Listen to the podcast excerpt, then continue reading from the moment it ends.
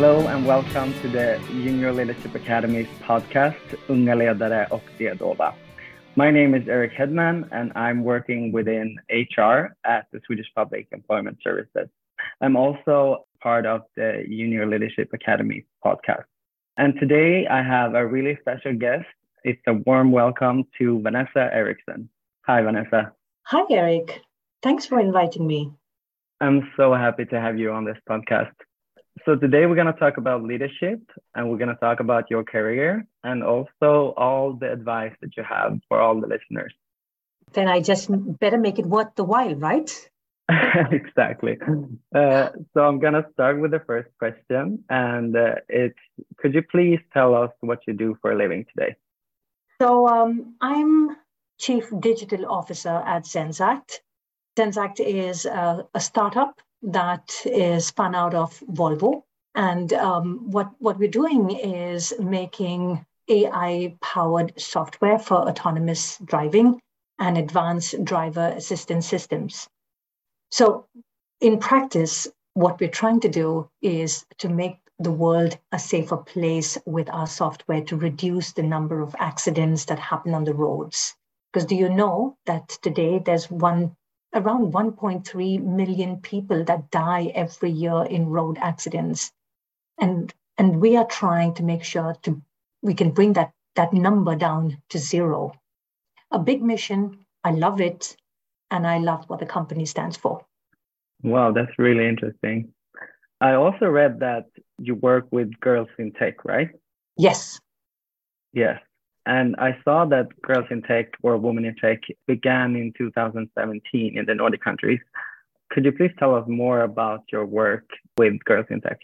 Yes, I don't know whether I call it work or it's my passion, right? Because I want to make a difference. And five years ago, I, you know, I, I attended one of the Women in Tech conferences in, in Stockholm, which usually is a complete sellout. And I remember being in the crowd, you know, with the whole auditorium was packed with women and all were enthusiastic and eager. And I was looking around and thinking, you know, we've missed the point, we've missed the mark. If we mm. want to have more women in tech and inspire, we should be going to schools uh, and not reaching out to, you know, young women or middle aged women for that matter, and inspiring the ones in school because that's where we need to get schoolgirls to apply for, you know, either natur natur or some science line, technology line when they're picking their gymnasiates. So yeah. that is when I decided um, you know, I just took, it was a very small initiative. I was still at Telia and I decided I'm going to make a difference. And at my first event, which, you know, I'm so extremely grateful to Telia for allowing me to do this. We, I had just 15 girls, but, but I decided, hmm, you know, start small. And we didn't know any school. So, so I actually bugged my own three daughters to go to their schools, talk to their friends. I bugged my friends that bring your daughters who are girls in this age group. So I target girls in classes seven, eight, nine in school to, to come and be inspired in, in tech. And I started that in 2017. Uh, I was extremely grateful. In a, in a year's time, I had PwC, one of the partners, join that cause of mine. Uh, and this year, we made it a nonprofit organization. Uh, also, extremely pleased because to to to think about the days where I started with 15 girls and now we had we had around 200 girls that we inspired both in Stockholm and Gothenburg. I think um, I feel pretty good. I feel pretty good. Wow. Like yes, we are. You know, it's 200 is still not not a lot, but we're on our. I feel like we're on our way. Yeah, that's so cool. So so you started it in Sweden, yes. or you started it in the whole world? No, no, no, no. I'm sure that there was a lot of things in the rest of the world. So what I started is just girls in tech first in Sweden, uh, and yeah. this year what we did is make it girls in tech Nordics. So mm-hmm. uh, and and it's the the power of networking, you know, is just fantastic because now I have my ex-colleagues and you know ex-colleagues from PwC and elsewhere join the mission in the other Nordic countries as well. So yeah, exactly. yes, uh, and and then also uh, what I also did this year, uh, wrapped up in the whole package of Girls in Tech, is I uh, start a new line called Sponsor an Orphan Girl in Tech, because you know Eric, living in Sweden, education is free Mm. If you want to study, you know, you just go and study, right? You don't pay for it. But imagine there are places in the world where children have lost their parents due to COVID or other reasons and do not have the funds they need to continue to study. So I'm really happy that I've got some companies supporting that mission as well, because especially if girls want to study tech, they are orphans and they do not have the funding through Girls in Tech. We're also helping to sponsor that. Yes, so it's it's getting bigger. I feel like we're going to be able to do this together. Yeah. So now it's 200, you say? Uh, yes, we had 200 girls join mm. both events in uh, in Stockholm and in Gothenburg. And what do you uh, what do you do for them? Do you, is it like is it like a a coaching program or, yes. or what's the purpose? The purpose, I mean, the purpose when I started out was just to inspire because um, from my own three daughters, I heard that it was boring. It was scary. Maths was scary. It is boring. It is not something I want to do. And what I just wanted to drive was it can be fun. It doesn't have to be so intimidating. So the mm. events that we have are mostly inspirational. It is to it is to be able to show the girls that you know it's it's not scary. It can be fun. There are other ways to go around the whole you know maths is difficult. Those kind of problems. But yeah, exactly. with that saying, uh, with it being a company now, a non-profit organization, we are also looking at PRAO, uh, you know, how can we help students, especially those that want to be in the technical line, giving them a prao place, um, also mentoring and internship. Yeah, that's um, fantastic. So, in one way, you can say that the purpose is to change the image of tech yes. and to help girls and women to, yeah, to take over the tech. Yes, hmm. or just br- bring more of them in to increase the diversity. Yeah, yeah, exactly. Yeah. Oh, that's really that's great. So, what is your best advice to young women who want to work in tech? It would be the same that I'm telling all these young schoolgirls. You know, it can be fun.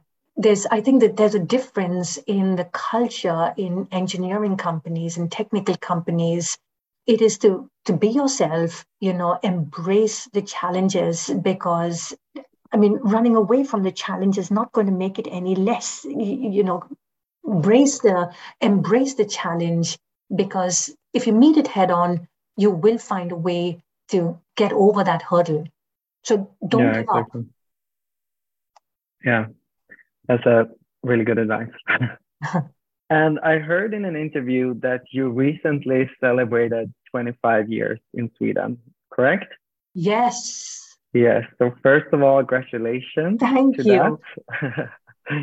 and then, can you tell us about your career path in Sweden? Yes, I, I think it has been, uh, if I may say so myself, it has been a fantastic journey because I, I had I, I joined Ericsson. Uh, I was at Ericsson for a while but then with the whole IT crash in 2000, I was one of them that also lost my jobs. And I decided then, let's go study Swedish because there were so many people. So I went to I, I went to one of the schools, which I've forgotten now, but and did an intensive course in Swedish. And then I tried to, I got into Migrationsverket.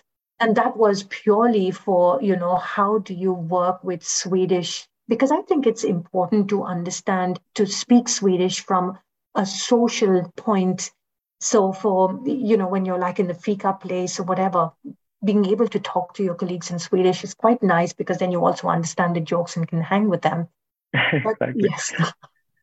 but but from there, then it was uh, I, I joined Telia, which was the best. Uh, you know, Telia gets always ten stars from me because I think that they are they are such a wonderful company I started as project manager and I ended up as chief data officer and, and also reporting to the CEO for Eurasia, Erik Hallberg. And I, I mean, after, after that, it has been more of a leadership journey without actually knowing it or, or you know, branding it as leadership. It was just, you know, challenging myself and going on from there. I also joined PwC because I want I I'd never been a consultant and I just wanted to have that tick in the box.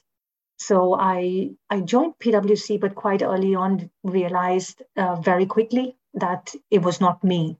And and now I'm at Zenseact. It's it's two and a half years, and I am loving it. That's so nice. So for how long were you at Telia? For eight years.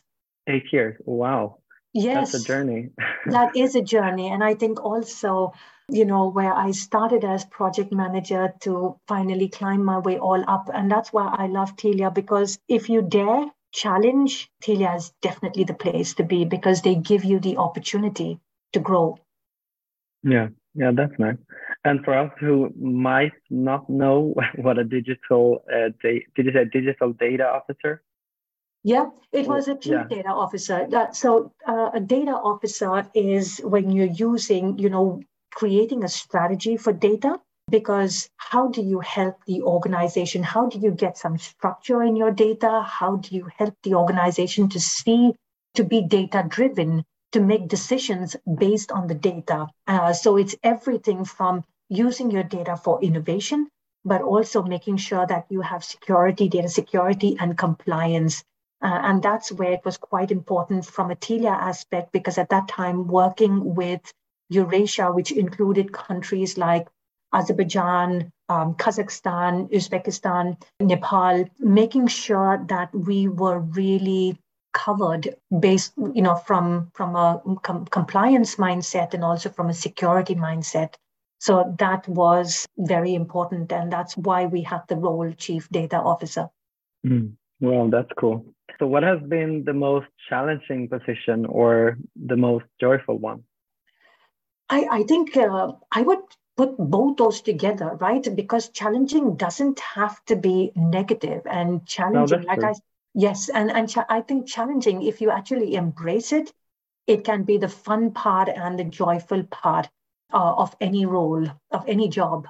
Uh, and I think for me, it was Telia because I had, I mean, at that time, you know, today where every company knows that data is valuable. You must have a data strategy. That time when I was with Telia, we were still on that journey. And I think that the whole world was still on that journey, understanding uh, the value of data, where you know companies still evangelized what does it mean to be data driven.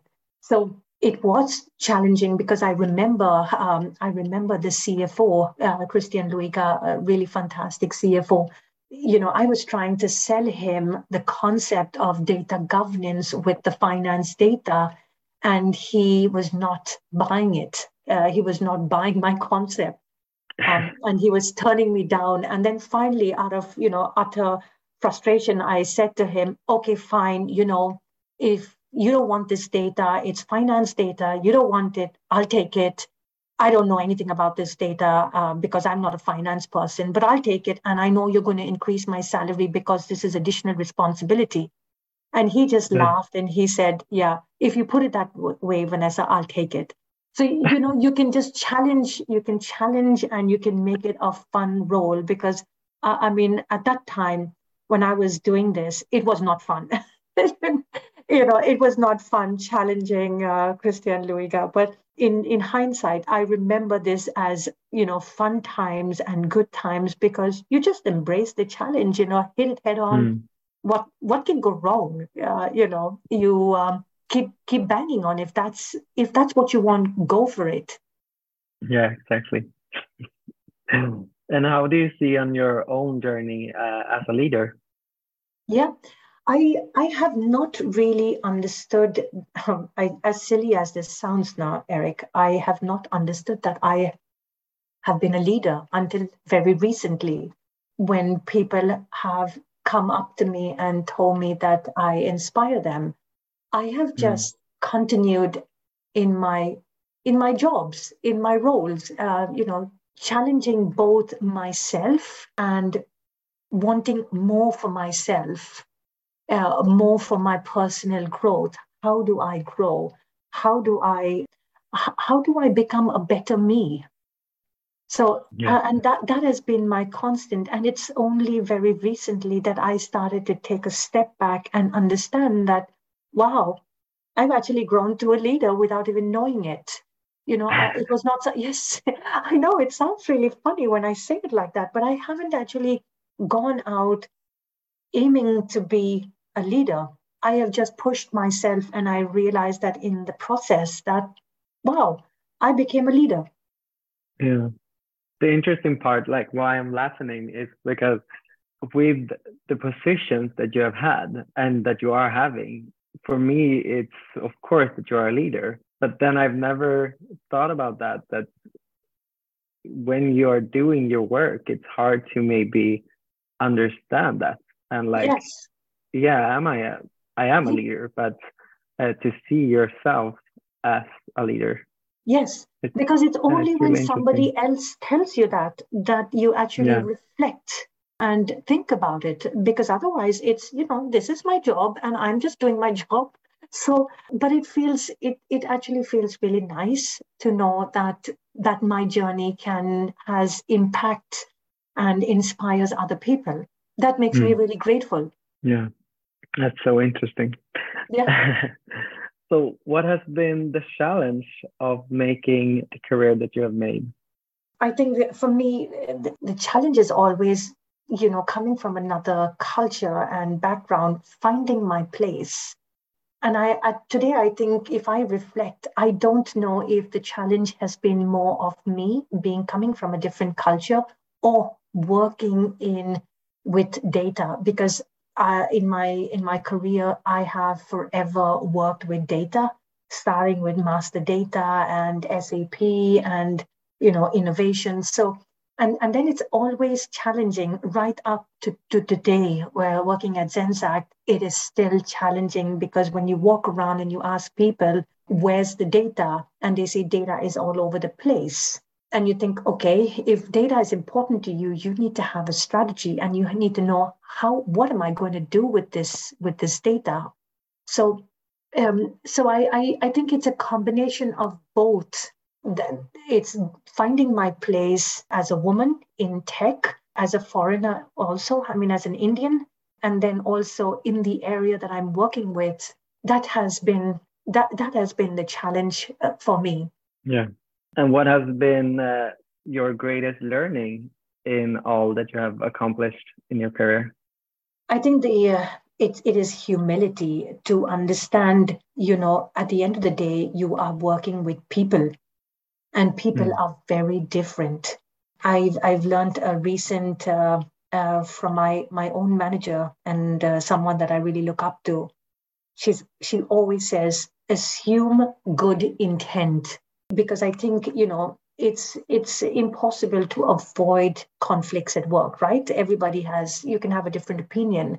If you take a step back and you assume good intent, because everybody at the end of the day wants to do positive, wants to create a positive impact, then it's quite easy to actually to both be on the same page.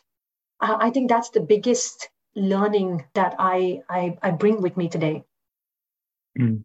Yeah, thank you for that. And I also I also wonder.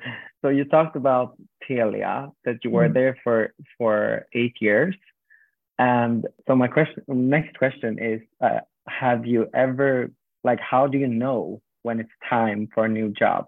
So when you were at Telia, yeah. how did you know when you should jump and like when you should take your next position? Yeah, so I left Telia because I felt I couldn't go higher.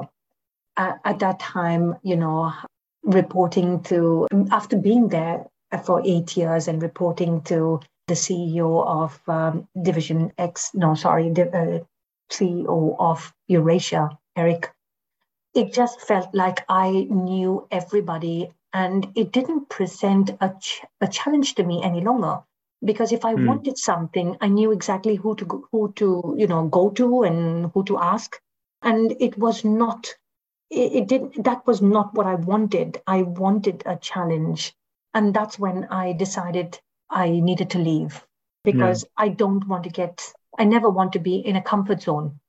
I want to always be at the edge of my seat. What's next? That's a question I ask myself all the time. What's next?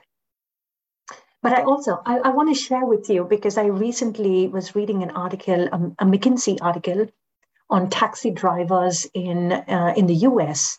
And mm-hmm. you know, mm-hmm. taxi drivers there they decide you know how much they're going to earn that day, a salary that they're going to make for themselves, and when they reach that figure, they go home.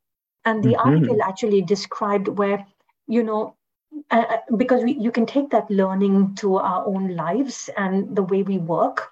Because if the taxi driver does not make his money that day because either it's bad weather or people are at home, they keep driving around until they make the quota for that day. And, you know, it's the same for ourselves at work because if we are in a in a bad situation, if we are not getting the recognition, we're not happy at work, we keep driving around in there trying to make it easier instead of actually putting your hand up and saying, you know what, this is not good. I'm not happy for whatever reason, and actually calling it quits because it, it it's I and I really resonated with that article because I think when it's good, hang on, you know, create the impact you you want to create uh, at your at your work for others and for yourself and then leave. But don't don't stay if you are in a bad situation. I thought i really mm. liked that article. Yeah definitely. It's really interesting. And you're absolutely right as well. But have you had a goal? Like this is where i want to this is like where i want to be? Or yes yeah. Yes always always. I, I mean and I, I have i've always had the mindset of what's next and always challenging myself because okay so i've been project manager. So what's next after project manager? I don't want another project manager job because i've done that now. So what's next? And that's that's some that's a goal that i've always kept for myself and increasing yeah. your you, you, know your bandwidth as well. Uh, i can do this and i can do that. Yeah uh, and then I can start Girls in Tech. And, and yes, I can do a board job as well because I'm on the board of Fidesmo. Um, and I think it's just, mm, and, and each one of us knows how much we're capable of. So push yourself because how else are you going to get better? Otherwise, we're always mm. going to end up in your sweet spot, in my comfort zone, which sometimes is nice, but not always. Yeah. At least that's yeah. how I see it. No, exactly. And it needs to come from from you, from within. Like you can't wait for that. If you want something, you can't wait for it to to come to you or to happen. No. You need to push yourself and you need to make those steps in order to reach your goal and Absolutely. in order to be where you want to be. I, I think that's that's the right way of saying it because nothing is going to come to you. Nobody is going to stand there and talk about, oh, you know, she's so good. No, you got to go and do it yourself. So, mm. you know, aim high, keep pushing yourself. Um, you will go places. Yeah. Have you ever been not scared, but you said that you're working. Uh, the board of in, Yeah, exactly. That's your first that kind of job, right? Yes, my my first board assignment. Yeah. Yeah. Have you like ever been scared of uh, or felt like can I do this? Or yes, always, Eric, always. Uh, but that's the fun part, right? Because if you like to challenge, and I and I encourage everybody go challenge yourself. You know, you will find new new heights that you can reach. But um, you know, I'm a I'm I'm quite often on stage talking, and I'm a speaker. And every time before I go on stage, you know, the butterflies in my stomach so, but I love that because a little, a little stress, a little in right amount brings out the best in you. Mm, definitely. I, think, I, I think so. I mean, otherwise, what kind of a challenge would it be if I knew exactly what I'm going to be, you know, um, I mean, my target audience, if I speak to the same people all the time, or it, then there's no there's no fun and excitement in it. Yeah. And also, what's maybe, the worst maybe, thing that can I'm happen? I'm just going to be crazy at the end of this whole podcast, Eric. no, that's fine. I love it. so, do you have any tips for the listeners uh, on how to make a career like you? Yeah, I, I think um, uh, from the Girls in Tech, we have uh, a new kind of uh, hashtags that we have created, and I love them because I, I really stand by it. And we have Be the Change, Lead the mm. Change. I think Lead the Change is fantastic because if you keep doing that, you will really, it's a good feeling in you and in your own journey. Lead mm. the change, both for yourself and for, for your organization. Yeah, that's really good. I want to share that I, I went to um, a conference at work a couple of weeks ago, and we also talked about change and, yeah. uh, and innovation. And then there was a girl who said that when you want to be innovative and you when you want to to develop something or change something, don't focus on the people who are standing on the platform. Focus on the people who are sitting in the front of the train. Mm. Because if you put all your energy to the people that stand on the platform uh, and are going to miss the train, then it's going to take too long time. Exactly. So you need to focus and be with the people who are in the front line, who are on the train, and who are with the change. Yes. Because that's how you will success, uh, yeah. will succeed. So I think that was really, really nice to hear. yes, absolutely. And now we're moving forward to your approach. So how would you describe your work slash leadership philosophy? I think that I, you know, I lead by example, but but more than that, I believe that you know we we work with experts, and you need to trust that people have the responsibility, have their jobs because they are they are good in their areas. So I am I am known to be a visionary. I usually set out, you know, the strategy and so where are we going? And since I, like I said, I usually work with data, it's helping my teams to understand so what are we going to do?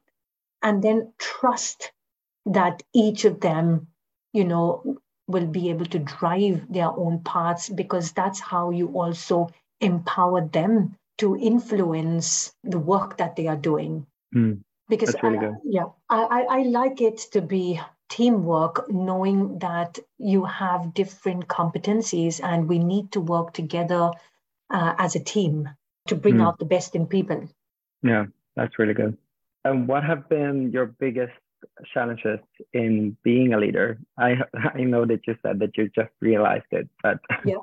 if you think back. Yeah, I think that um, I mean I think my my my biggest challenge is the leadership itself because not often uh, you know you it's you don't have to agree to everything that the the leadership of the company or that they stand for right you can have your okay. own opinions and that mm. has been sometimes difficult for me to accept I, I, for example, I do not like management by fear.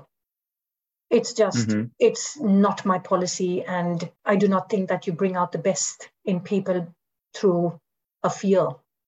You have to win them over, get their trust, you know, build relationships. Uh, so I, I think that for me, it's working with people is is your own style of leadership and how you win them over. But then you can also I can have managers above me that I don't agree to their mm. styles, and and that is sometimes what I have faced. I think some of my biggest challenges. Yeah, and what do you enjoy the most? What do I enjoy the most? You said. Yeah, yeah. Uh, I think that trusting your people has to be the biggest asset that you can give to your your organization and your people. Help them to see the vision, help them to understand what we are doing, where we are going, and then trust that they got it. and they will come yeah. to you if it's not clear. That's good. And I, I just realized that I forgot to ask for how many people are you leader for now? Uh, so now it's a small company. We're a startup, and I have data. Uh, I'm responsible for data security and digital uh, IT in the organization, and I have around 25 people. Yeah. So it is a relatively small team, which is also very important. Then that you build the right kind of relationships and you keep yeah. everybody happy. Yeah. Do you feel like there's a difference between leading a smaller team or or than a larger team? Yes, yes. It's it's uh, easier to give uh, to make sure that you're giving everybody the attention and the time they need if it's a small team. Uh, not all the 25 report to me. I have um, I have just six leaders that report to me but uh, in in larger organizations where I've worked with which with more number of people, it becomes a bit challenging to um, because then it's not it's not possible to have that direct contact with everybody. No, exactly. Is it hard to know like so if you are a leader for let's say 50 people, is it harder to know like what all of those 50 people are doing? Than when you're a leader for a smaller group. Yeah, but I, I think I think I'm not interested in knowing what they are doing because I trust, and, and especially today after COVID, and everybody's mm. working in a hybrid fashion where not everybody has to be in the office. That's where the trust factor is so important that you can work at home. And I know that you're doing what you say you're going to deliver because mm. you work in increments um, and we deliver as a team. So that that is not uh, what I would. It's you know, people ha- there, there will continue to be conflicts at work, and how you solve them. I think in a smaller team, it's much easier to to influence and and uh, help. With having a bigger team, it's not often that everything comes to you unless sometimes it's too late. Mm, exactly. When you talked about COVID, then I just remember what would you say is the difference between leading in a crisis than leading in success? Because since COVID was a crisis, so yeah. do you do you see any difference between the leadership? Yes, absolutely. It is basically what you try to be is people at heart.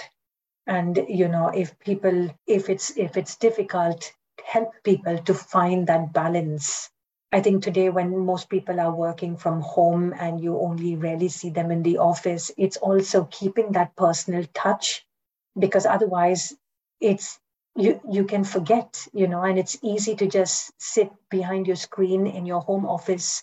I, I think these personal factors for me play an important role because I mean, not often do you. I, I think it's important to also be mindful. I mean, if people are going through a challenge at home, maybe they don't want to tell you.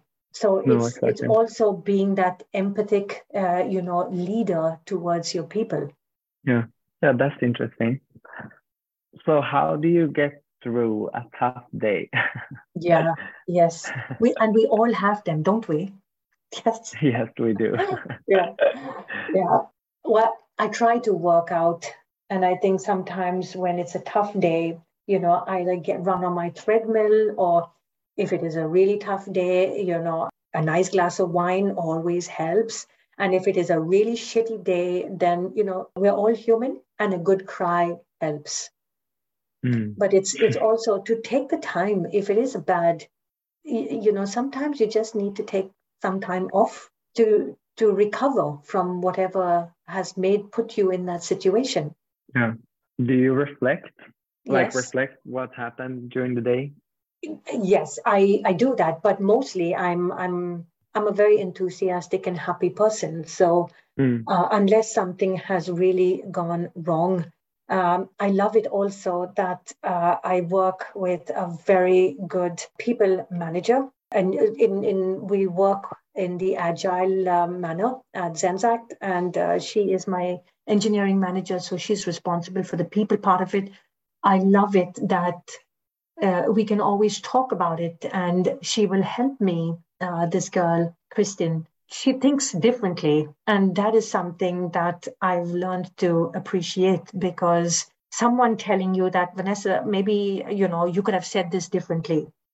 I totally accept. And I, I do not think it is too big of me to go back to somebody and say, hey, you know, I hope you didn't misunderstand. And I'm sorry if I came across a bit harsh.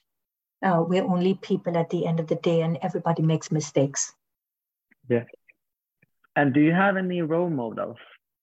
Yeah, I, I think I've had several, you know, over the years because that's how you grow. Mm. And uh, I mean, my my current role model is the CEO at Zenseact, uh, Ödgärd Andersson. Uh, she is fantastic, and I make it a point to tell her that she really inspires me she's the one that actually uh, said, you know, assume good intent. And and I think I really take that and I try to to to live it. Assume good intent. People always people are good at heart. We just need to see that. Yeah, we do. There's also a lot of uh, young leaders and soon to become leaders who have uh, mentors today in order to to be to have like a coach to pitch ideas with and and uh, to learn from. Do you have any any mentors today or are you a mentor to anybody? I i've had to actually turn down a couple of people because because i think with my three daughters at home and the the task that i have i think it would be i want to but uh, i want to say yes to all these lovely people that ask me to be their mentor but I uh, I think it would be wrong because I do not feel like I have the time to dedicate to them. And my own, I, I think it's uh, my husband. you know, yes, whether he wants to hear it or no, he gets to hear it. So uh, you know, and I I love the advice he gives me. So I'm grateful for that. That's nice to hear. And how do you boost your self leadership or uh, or your self confidence? I, I never think about this. Uh, and I think uh, today, uh, you know, it comes from when people reach out to you. I think that for me is, is enough to help me, give me the boost that I need to keep going. Mm. And you kind of already have answered this question, but it's nice to hear it again. So, what motivates you?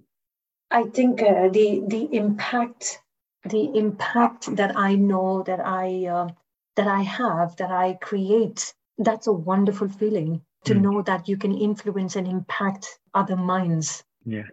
And then also to always have a challenge. always have a challenge. Yes. Thank you, Erik. Do you have any tips on how to succeed as a leader?